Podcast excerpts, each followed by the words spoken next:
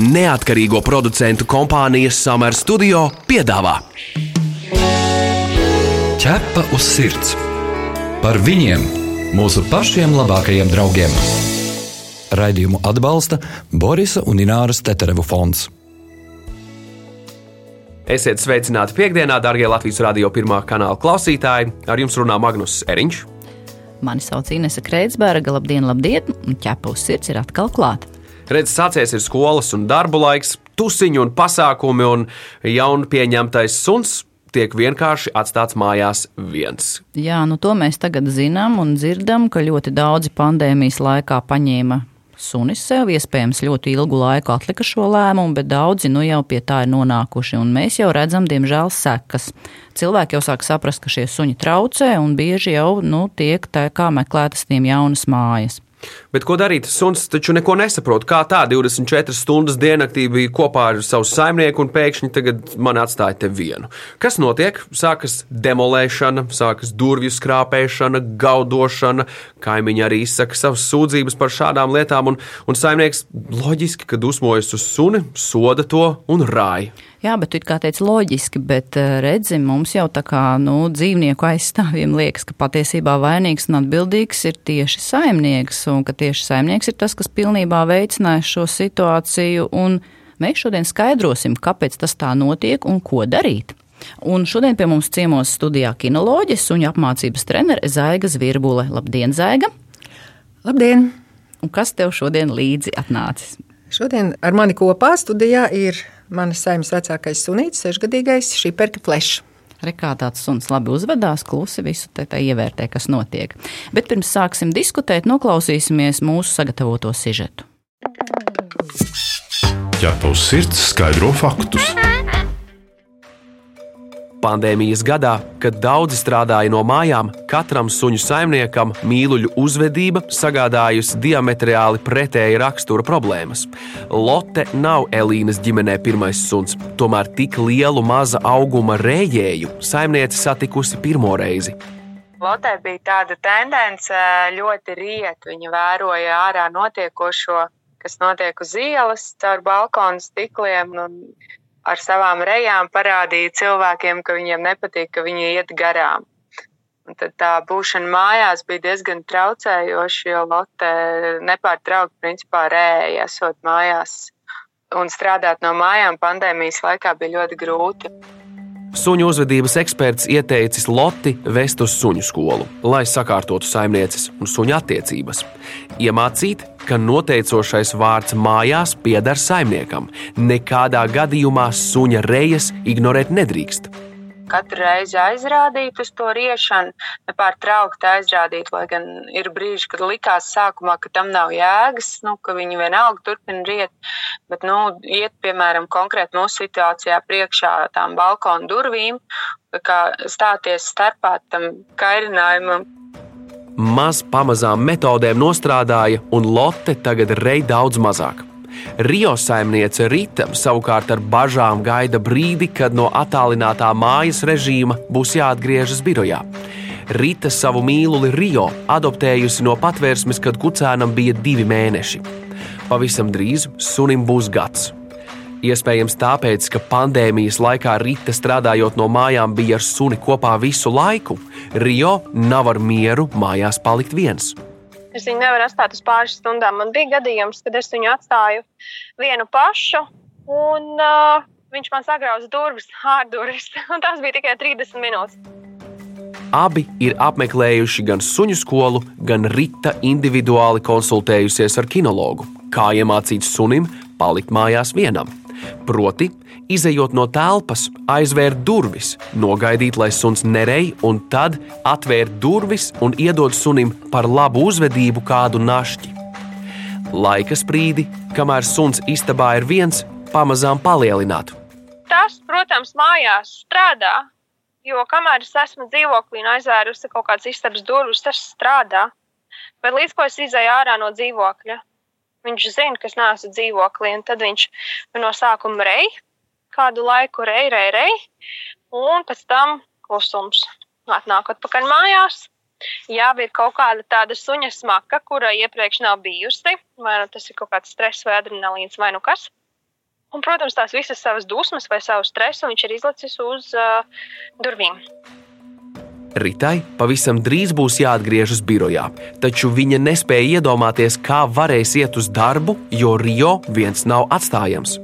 Arī tagad, lai izietu ārpus mājām kaut vai uz pāris stundām, Rīta savu palielā auguma mīluli visur nevar ņemt līdzi. Tāpēc ir spiesta rīkoties tieši tā, kā dara mazu bērnu vecāki tagad, kad man vajag viņu atstāt vienu, un es nevaru, tad es, protams, jāmeklē kādu, kas man varēs atnākt pieskatīt. Vai tā ir Roma, vai tā ir mamma, vai kāds cits ģimenes loceklis. Rita pieļauj, ka par vēlu sākusi domāt, kā risināt situāciju, kad sunim būs jāpaliek vienam, jo līdz šim tas nešķitis aktuāli. Kad suns ir kopā ar aukli un Rita pārrodas mājās, Rio nav viss vienkārši priecīgs, bet viņa emocijas burtiski mutuļo.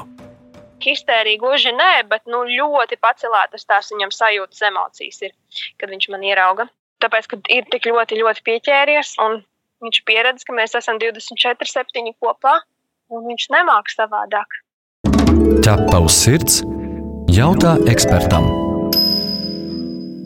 Nu, Rekā noklausījāmies sižetu, kur cilvēkiem reāls problēmas atstāt suni vienu. Reka vienā gadījumā ir tā, ka suns reāli demolē durvis, atnākot eh, mājās saimniecē, nu, tā principā nu, tas situācija nav ilgstoši glābjama, bet par to mēs vēl vēlāk parunāsim. Zaiga pastāsti, kādā situācijā stadijā pie tevis ierodas klienti, vai viņi jau laicīgi ir apzinājuši problēmas, ja tās jau ir sākušās, kāda ir tā situācija? Nu, principā mēdz būt ļoti, ļoti dažādi. Man ir ārkārtīgi liels prieks, kad šobrīd pēc iespējas agrāk cilvēki cenšas uzsākt sunim apmācību jau no kucēna vecuma, praktiski jau no trim, varbūt pat reizēm agrāk mēnešiem. Jo ļoti svarīgi, ja saimniekam ir jautājumi, viņus sākt risināt pēc šī jautājuma problēmas rašanās secībā, nevis tad, kad jau problēma ir samilzusi. Un ir ļoti grūti problēmu risināt tad, kad viņa jau ir uh, nostiprinājusies suņu uzvedībā. Un līdz ar to šo savstarpējo kontaktu saimnieks ar suni veidoja caur apmācību pakāpeniski. Suns sāk arvien vairāk paļauties uz saimnieku. Un, ja suns paļaujas uz saimnieku, respektīvi uzticās saimniekam, tad arī situācijās, ja sunītam jāpaliek mājās, ir vienam tad viņš uzticīgi, bez stresa sagaida saimnieku mājās. Bet tas viss jāveido ļoti pakāpeniski un ļoti mērķiecīgi uz to iet. Un svarīgi, lai cilvēki šo jautājumu sāk uzdot kinologam vai kādam citam speciālistam, kas var palīdzēt šajā jautājumā jau pirms tā problēma rodās. Nevis pēc tam, kad jau viss ir bēdu lejons un jau ir pārstresojies. Tad, kad jau attiecībās nav pareizi veidot šī hierarhija, kad, kā jūs iepriekš minējāt, suns saimniekam neusticās, suns ir uzņēmējs uzņēmies atbildīgo lomu savā saimē. Un uh, viņš, tad, kad ir atstāts mājās viens, viņš vairs nevar vākt savu baru. Ko nozīmē vākt savu varu? Viņš suns jūtās atbildīgs par savu saimi, bet tā nedrīkst veidoties attiecības uh, ģimenē, kur aug dzīvnieks, jo saimniekam jāvada suņa uzvedība, jāveicina izpratne par sistēmu, kādā sunim ir jādzīvo, un jāpalīdz sunim tikt galā ar šo stresu. Bet redz, te ir tāda interesanta lieta, ka Iedomājieties, sākums, jā, sākums ir tāds, ka mājā ienāk kucēns. Viņš, protams, uz sevi paņem simtprocentīgu uzmanību, jā, un mēs visu veltam tam, lai, teiksim, iemācītu kārtoties ārā, nu, visas ikdienišķās lietas. Bet kurā brīdī ir jāpasaka stop tai simtprocentīgai uzmanībai sunim, un kurā brīdī jāmāk mācīt sunim palikt vienam arī dzīvoklī? Nav tāds brīdis, kad tas ir jāsāk. Tas jāveido jau no pirmajām dienām mājās. Zvēriņš tāpatās paliek uz mirkli viens pats. Vai viņam ir sava manēžiņa, vai būrītis, vai voljēriņš, varbūt sava istaba. Sunītam jāpiesaista šī te uh, palikšana mājās drošībā, pakāpeniski pieaudzējot laika intervālu.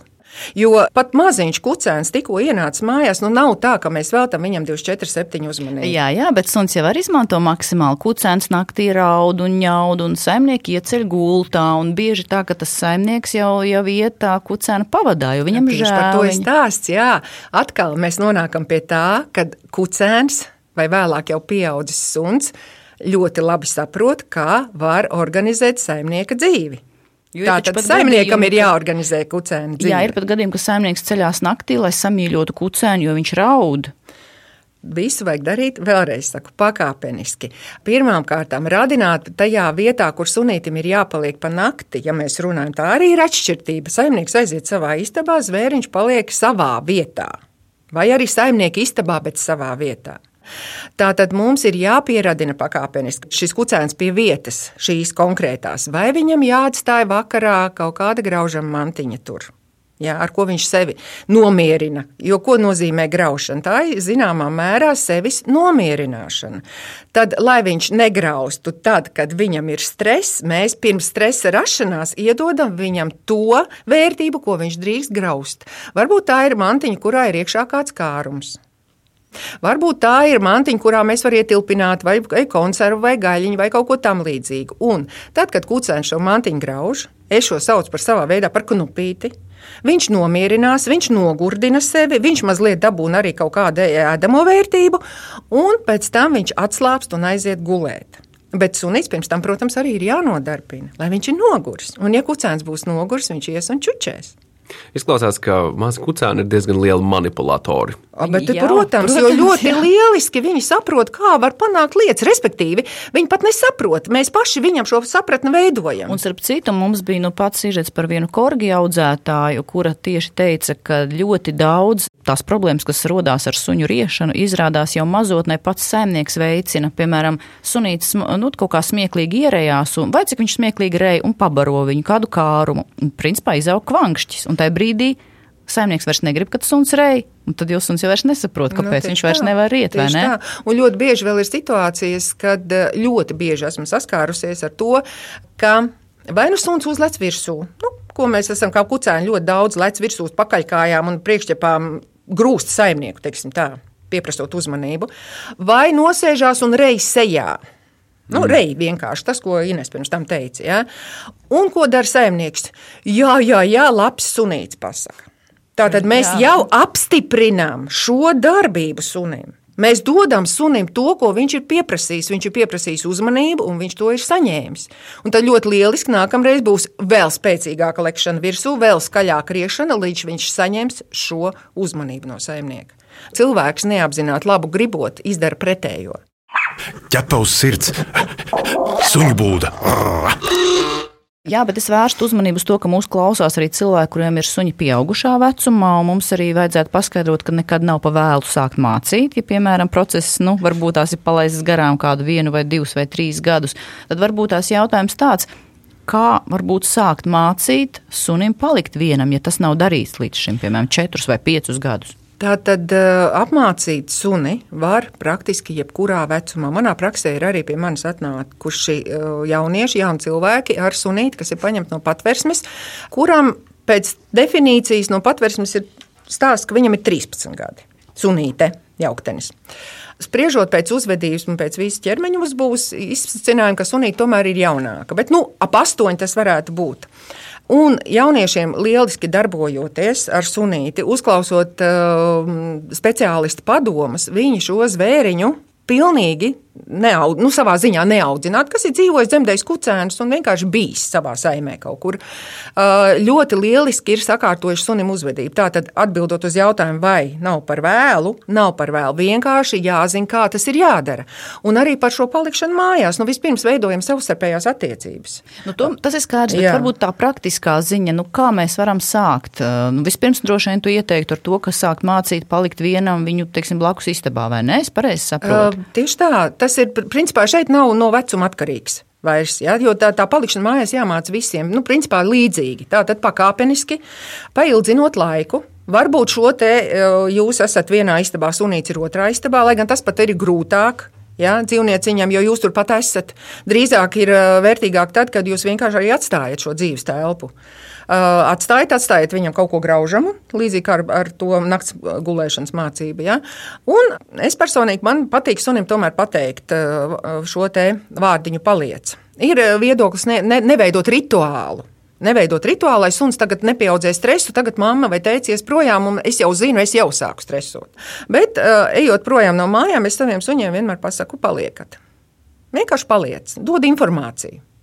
Un šo laika intervālu vienkārši pakāpeniski pieaudzēt. Aizēja iznes miskasti, atnāca atpakaļ, uzslavēja sunīca mīļo. Ja? Tikai tad, ja viņš nereja, vai ne? Uh, nu, protams, ja vēl tā riešana, ja tu izējot aiz durvīm, tu jau dzirdi, no lejā tu dzirdi. Bet, ja atstājot sunim vērtību kaut kādu, ar ko nodarboties, viņam riešana nebūs vēl prātā, viņam stress vēl nebūs tik augsts pieaudzis.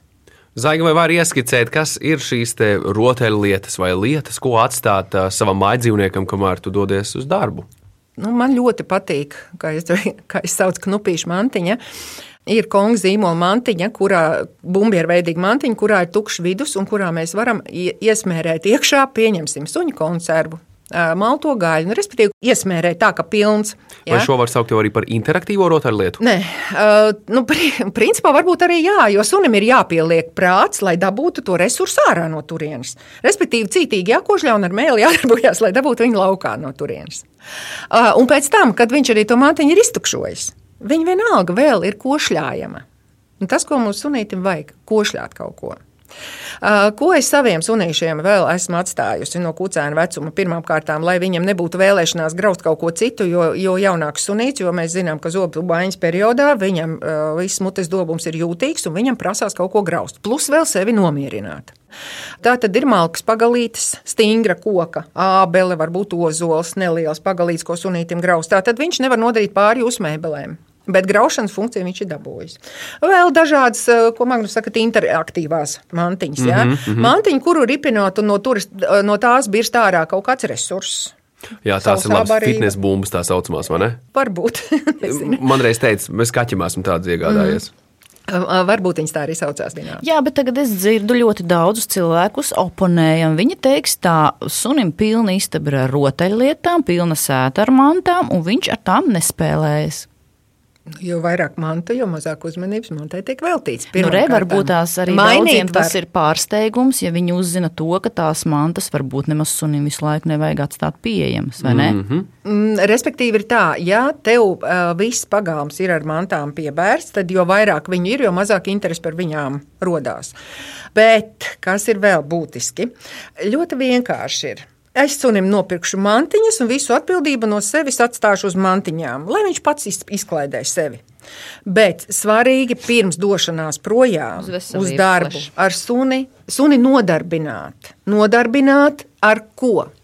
Ar intelektuālo darbu, ar fizisko slodzi un ar kontaktu ar sevi. Tas, Tātad, kas mums ir vajadzīgs, kas ir vajadzīgs dzīvniekam, lai viņš būtu noguris. Tad intelektuālā slodze būtu komandu izpildīšana, Jā. fiziskā slodze, trakošana, bumbiņas nešana un, un, un, un, un daudzīšanās. Nu, gara pastaiga, skriet kopā tas? ar saimnieku. Un kontakts, nu, loģiski ir kontakts ar cilvēku. Uh, kontakts. Uh, Vai ar citiem dzīvniekiem? Nē, nē, nē ar cilvēku mm. viennozīmīgi.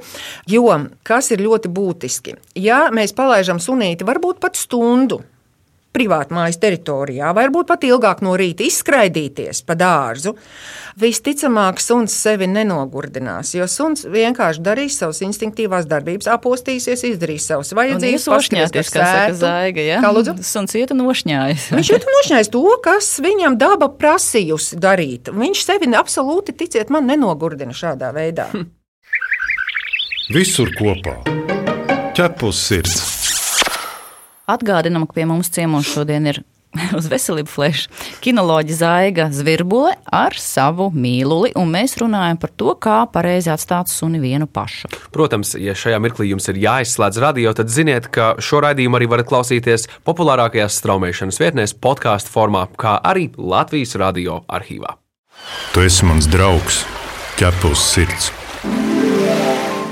Runājot par dažn, dažādiem uh, medijiem, arī dzīvnieku pasaulē, Zaiga, vai esi dzirdējusi par īpašu mūziku vai video atstāšanu mājdzīvniekiem, tieši suņiem, kad uh, saimnieki ir devušies darba? Tas bija viens no punktiem, ko es arī biju atzīmējusi. Ja, ja mēs dzīvnieku atstājam mājās, un viņš ir gan trauksmains, tad jā, mēs varam atstāt vai savas balss ierakstu, pieņemsim, vai vienkārši fonu kaut kādu, kas mums iet, vai kāda YouTube kaut kas vai kas, vai rādio cilvēki Latvijas ir teikuši. Rādio viens. Jā, droši. Uh, intelektuālā piesaiste arī būs pa dienas sunim.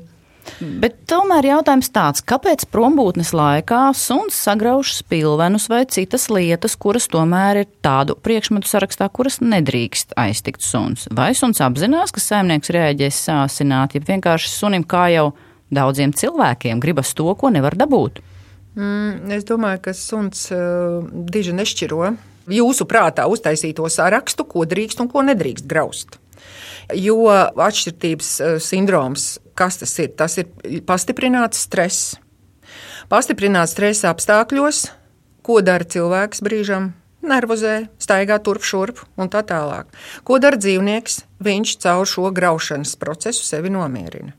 Un, ja viņš ir atradzis to spilvenu un to stūri, kuru viņš var graust, un pēc tam viņš vēl no tās spilvena izvelk ārā vēl spilvenu saturu izmētā pa māju, un tā tālāk, viņš sevi nodarbina šādā veidā. Principā tas, ko tagad mēs sakām, tā ir cīņa ar sekām. Tātad vispirms, lai tās sekas neiestātos, mums vispirms ir jāpadomā par to, ko darīt, lai neiestātos pirmām kārtām.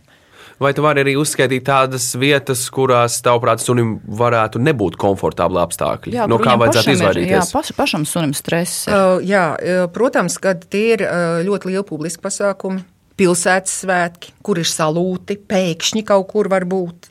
Jaungadā noteikti nevajadzētu iet skatīties salūtu kopā ar suni, ja tu nezini, ka tas suns tiešām ir pieredzējis. Viņš saka, wow, cik forši salūts ejam skatīties un nejūt ne, ne, ne mazāko stresu. Ja? Respektīvi, svarīgi, kas ir ejot uh, ar savu suni kaut kādā publiskā pasākumā, novērtējiet suņa spēju izturēt šo pasākumu un vai viņam tas nebūs pārāk liels stress, jo publiskos pasākumos, pat ne tikai pasākumos, pasākumos, bet vienkārši publiskās vietās, pieņemsim, tirdziņos kaut kādos, kur ir daudz cilvēki. Jauns, nepieredzējis suns var izrauties no nepareizi uzlikts kakla siksnas, vai vienkārši izraut pavadu saimniekam no rokām, kur nu vēl vispār iet bez pavadas. Un vienkārši var aizskriet un paskriet zem mašīnas un tā tālāk. Tā kā suņu drošībai arī par to ir jādomā. Bet, nu, tomēr kādai būtu jābūt uh, suņa uzvedībai, kuru saimnieki prombūtnes laikā atstāja piemēram mājas sētā? Viņi jau izklaidēs, kā, prot, kā mēs runājam, aprei garām gājējus, citus suņus, bet tas ir ok. Kā, nu, teiksim, saimnieki nav mājās, kādai būtu pareizai jābūt suņu uzvedībai? Nu, principā suns darīs to, ka saimniekam esot projām, viņš sargās savu teritoriju, jo sunim ir vairāk pamatinstinktu, un viens no tiem ir teritoriālais instinkts. Ja gar viņa teritoriju vai viņa teritorijā kāds nāks, parasti suns tomēr reaģēs uz šo. Un arī uz garām gājējiem. Ja nav kas viņu apsauc, viņš viņus nories visticamāk. Bet atkal, ja suns ir no rīta iztaidzināts, nogurdināts un tā tālāk, viņš varbūt var mierīgi savā voljērā atpūsties tikpat labi. Jo sēta ir vienkārši ļoti liels voljērs. Tikai viņam tur ir daudz kur skraidīt. Un ir dažādas šķirnes, kas ir tieši veidotas kā sarga suņi. Un uh, vēlēties, lai viņš varbūt nesargā, ir būtu ļoti grūti tomēr. Jo katrā šķirnē ir ielikts kaut kāds savs uh, mesiķis, savs vēstījums, ko cilvēks ar šo šķirni veidojot gribējis panākt. Medību suņi, sarga suņi. Sargs varbūt neries, bet viņš ielaidīs sētām, tā ārā nelaidīs.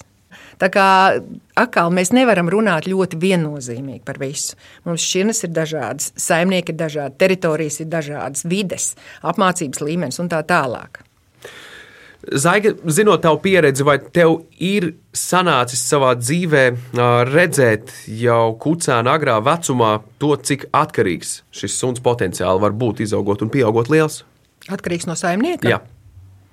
Ja suns ir no mazām dienām jau salīdzinoši nedrošs, tad uh, varētu būt, ka viņš baidoties no apkārtējās vides, no visa kā jauna, viņš turēsies saimniekam brunčos, teiksim tā. Bet atkal jāveic ir socializācijas pasākumi. Nu, tā kā tādi memes dēliņi, jā, nu, apmēram. Jā, jā, tie ir tie bailīgākie kucēni visticamāk, jā, jā, kas ir. Jā, traukšmaini, uh, grūti adaptējās dažādās vidēs, līdz ar to arī viņš adaptēsies grūti savā mājā viens pats atstāt. Un, starp citi, tie noteikti varētu būt kucēni, kur, kurus paņem aiz žēluma. Arī varētu būt, vai ne? Uh, ir tā, jā, kad bieži vien cilvēki aizbraucot, pieņemsim, izvēlēties kucēnu, nu viens tāds tramīgs ierāvies kaktiņā, tā kā Ines saka, nu, pažēloši. Es šodien gan jau neviens viņu cits nepaņems, es viņu paņemšu. Jo nu, es esmu empātiskas būtnes, mēs gribam žēlot, un tas ir normāli, tas ir labi. Bet nevienmēr pēc tam mēs baudīsim dzīvi kopā ar tramīgu, trauksmainu dzīvnieciņu. Zaiga, kā tu komentē pieņēmumu, pēc kā var saprast, vai suns ir optimists vai pesimists? Pēc reakcijas, kā saimnieks dodas prom, ja optimists, nu zina, ka saimnieks atgriezīsies, ja pesimists, nu domā, kāds stāja uz mūžu. Tu tici tam, ka tā ir? Globāli man mazliet mulsina šis jautājums. Sunīšiem, saimniekam atstājot māju, neviens suns nav ļoti laimīgs. Nu, nav laimīgs. To atstāja, un viņš paliek viens pats. Lielākoties, kā es esmu pamanījis arī pie saviem suņiem, un arī paziņas ir stāstījuši, ka es jau taisos uz darbu. Sunīts jau apvainojies, aizlien tālākajā istabas kaktā un nemaz nerādās, lai mani pavadītu uz darbu. Ko man liecinātu šāda uzvedība? Nu, par suni, ko tas liecinātu? Jā, sunim ir trauksme, jūs ejat projām, un viņš, lai mazinātu savu iekšējo spriegumu, lai nebūtu šī atvadīšanās, lai nebūtu liekas emocijas, viņš jau aiziet maliņā. Viņš emociju taupīšanas nolūkos, viņš jau sevi sargā, pasargā no liekām, pastiprinātām emocijām. Tas ir ļoti labi. Tas nav tāds, suns neapvainojās. Jā, un tad saimnieks vēl dara skādi, ka viņš vēl bāžās virsū un varbūt puķi, puķi atnāc man samīļosimies, es iešu tagad projām, tu nabadzīņš tagad gaidīsi, tikai nedemolē māju. Nu, nevajag rituāls šāds taisīt un pastāstīt, ko sunim nevajag darīt. Jā, bet nu, raidījuma noslēgumā nu, tomēr tāds īpašais jautājums, ko mēs jautājam visiem mūsu viesiem, izmantojot milzīgu auditoriju, kas mūs klausās, varbūt ir kas tāds, ko tu gribi pateikt cilvēkiem, ko viņi joprojām varbūt nesaprot par suņiem, vai ka tu gribētu, ka viņi tomēr zinātu, apzinātos. Tev šāds brīdis un iespēja šobrīd ir. Paldies par šādu iespēju. Protams, cilvēki lūdzu apzināties to, ka, ja jūs esat paņēmuši mājās dzīvnieku, jums jāuzņemās pilna atbildība par šo dzīvnieku, par viņa labsajūtu, ne tikai fizisko, ķermenisko, lai sunīts būtu paēdis un siltumā, bet arī par viņa emocionālo pasauli. Lai sunīts jūs labi saprastu, lai viņš justos komfortā ar jums, tātad jums jāveido šīs pareizās attiecības. Ja jūs ļoti zinat pareizi, kā to darīt, lieliski, bet ja jūs trūkst padoma, vērsties pie speciālistiem, jums palīdzēs, paskaidros, izstāstīs, kā suns uztver pasauli un kā suns jūs saprot, lai neveidojās uh, greizās poguļu karaļa valsts attiecībās ar suni. Atnākam mājās, suns ir izdemolējis, mēs viņu rājam. Nākamreiz suns jau gaidot saimnieku mājās, streso vēl vairāk, un viņš sagrauzīs vēl vairāk mantas vēl vairāk, jo atnākot saimnieks dusmosies vēl vairāk un izveidojas lavīnas efekts. Atgriežoties pie šīs tēmas, tātad, ja es savu suni nesaprotu, meklēju palīdzību, lai man palīdz saprast, kā dzīvot kopā ar savu zvēriņu. Atkal un atkal jāatgādina par to, ka cilvēki bieži liek tos video, kur viņi atnāk mājās, ir uh, izdemolētas mantas, un suns it kā to saprot un vainīgi skatās. Bet ko patiesībā suns jūt? Vai tad viņš apzinās to, ko viņš ir izdarījis, cik tur stundas atpakaļ? Mm, Pirmkārt, noteikti neapzinās, bet ko viņš sāk apzināties? Visticamāk, pirmajā reizē, kad viņš bija kaut ko savandījis mājās. Saimniekam atnākot mājās, sunīs skrēja pretī laimīgs, luncinot astītī, tēti, mama, tu esi mājās, cik forši! Un saimniekam izmainījās seja, bija dusmu jūra un tā tālāk. Ko suns asociē? Viņš asociēja saimniekam atnākot mājās, viss ir slikti.